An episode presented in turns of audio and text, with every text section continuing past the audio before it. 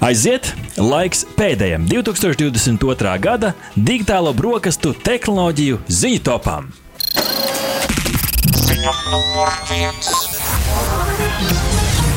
Pirmā ziņa šorīt digitālajās brokastīs par īsiņām un cita veida sakariem nosūtīto īsiņu skaits 22. gada laikā Tele2 tīklā ir samazinājies par 23% un līdzīga tendence, jeb 25% kritumu izsūtīto SMS apjomā novērojuši arī Bita Latvijas speciālisti, kuru tīklā vidēji dienā, lai jūs labāk saprastu, par kādiem apjomiem mēs runājam, šogad nosūtīts vidēji 450 tūkstoši SMS. Salīdzinājumā šis viss salīdzinājums, protams, ir 21. gadu kad vienas dienas laikā tika nosūtīts aptuveni 550 līdz 600 tūkstoši īziņu.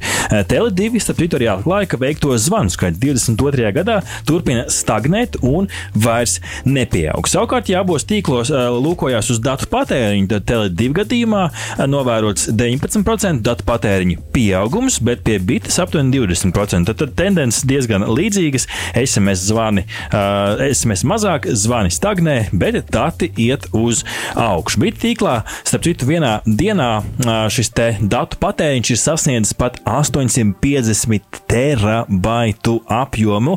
Nu, milzīgi. Apjomu kā digitālām broksīm, starp citu, skaidroja bija Latvijas korporatīvo un sabiedrisko attiecību vadītāja Una Huna Ozola. Tad, sākoties pandēmijai 20. gadā, mobilo datu lietojums strauji pieauga, bet ne brīdi nesamazinājās. Tas ik gadu turpina tikai augt, neatkarīgi no tā, vai cilvēki ir atgriezušies darbam klātienē, skolā vai citviet.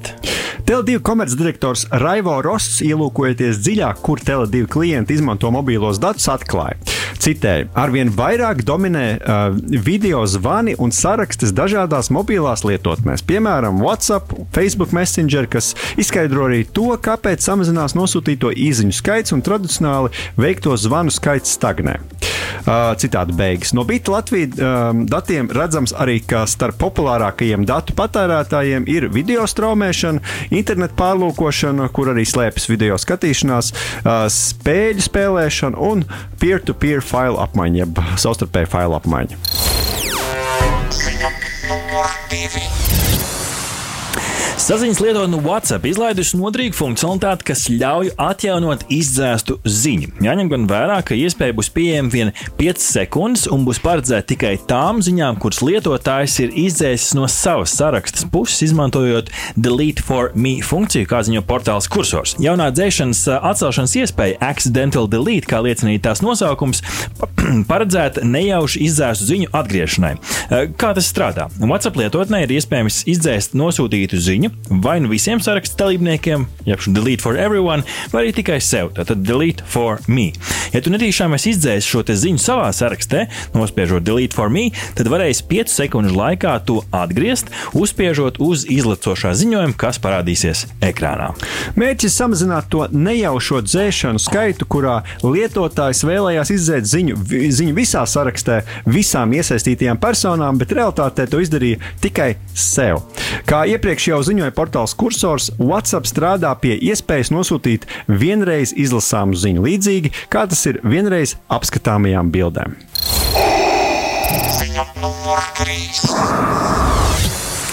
Noslēdzošā ziņa digitālajās brokastīs par kriptovalūtām, kuras esam eh, aizskāruši, bet nepietiekami apskatījuši. Tāpēc šis arī noslēdzošais ziņu stāsts šodien. Eh, šogad eh, dažādu kriptovalūtu vērtība, protams, ir piedzīvojusi ļoti liels svārstības. Taču neskatoties uz to, gan dažādi uzņēmumi, gan valsts izrādījušas, izrādījušas atbalstu digitālajiem aktīviem.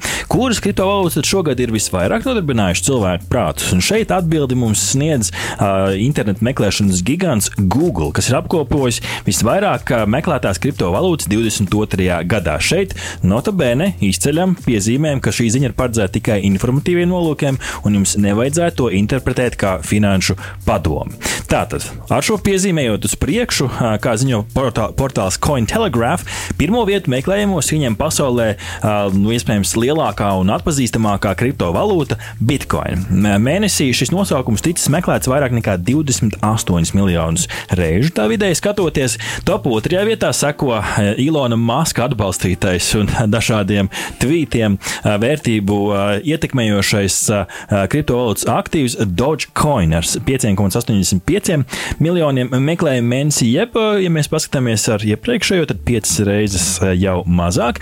Trešajā vietā atrodas Shiba Inu ar 4,43 miljoniem meklējumu mēnesī, kuru vienā brīdī entuziasti nu gribēja uzdzīt kā tādu nākamo Dogecoin kriptovalūtu, varbūt tāpēc arī tāda interese. Ceturtajā vietā, laikam jau tikai ceturtajā vietā, seko Ethereum, jeb šī tehnoloģiski tāda alternatīva Bitcoinam.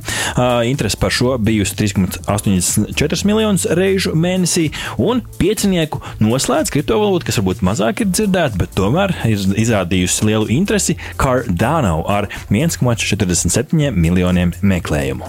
Meklējuma informācija parāda arī vēl vienu interesantu iezīmi, ka cilvēki joprojām daudz meklējuši iespēju iegādāties kriptovalūtu, nevis to pārdot.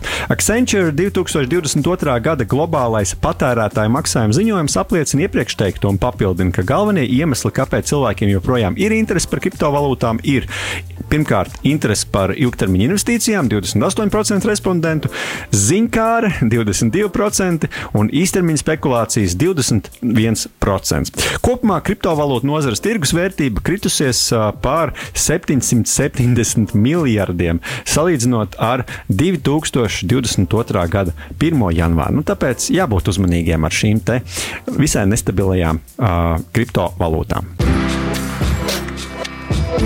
Aha! Paldies, ka noklausījāties mūsu līdz galam! Ja patika, uzspiediet laiku, atstājiet komentāru vai padalieties ar draugiem.